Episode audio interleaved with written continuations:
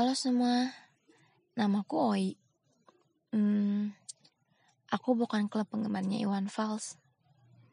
Punya nama Oi juga bukan berarti itu nama kesayangan. Apalagi nama pena atau nama panggung. Bukan, bukan. Dipanggil Oi karena dua huruf tersebut terselip di antara huruf-huruf yang membentuk kata Hoirul. Bingung juga sih, di antara banyak nama panggilan, kenapa harus dipanggil Oi? Padahal pengennya sih dipanggil Aisyah. Nggak deh, bercanda. Tapi kalau mau beneran juga nggak apa-apa kok. Hmm, oke teman-teman. Podcast kali ini sebenarnya adalah tulisan lama yang terselip di buku binder dan enggak sengaja kembali aku baca. Tulisan ini didedikasikan untuk seseorang yang pernah memberi warna pada sebuah hidup. Buat para pendengar yang mungkin merasa dirinya terkandung dalam cerita ini, aku minta maaf. Aku nggak bermaksud untuk mengusik kisah kamu. Ini hanya sebuah tulisan lama yang minta untuk disuarakan. Jadi, Selamat mendengarkan. Perihal 143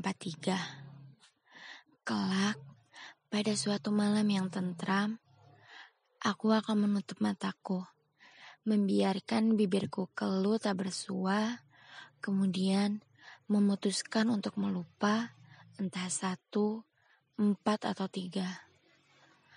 Lalu kamu kamu akan menjadi sepenggal kisah masa lalu yang tak akan lagi membuatku terpaku. Namun, pada fajar yang datang setelahnya, sebaik prosa yang tak satu, empat, atau tiga jumlahnya, akan kutitipkan pada mentari di pagi buta, disusul dengan dekap hangat mentari di ufuk timur.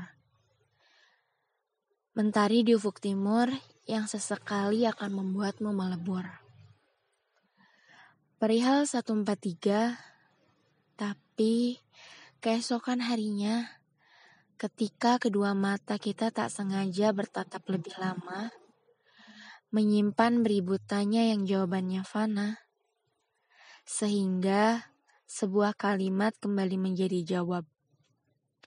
Perihal kita, dua manusia yang hanya bisa saling menatap tanpa ada niat untuk kembali menetap.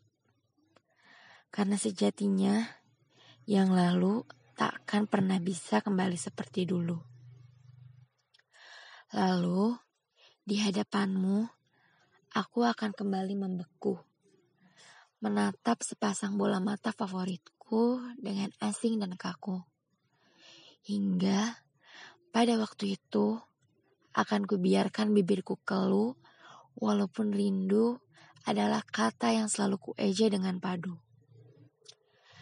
Perihal 143, biarkan aku mengenangmu dengan bahagia.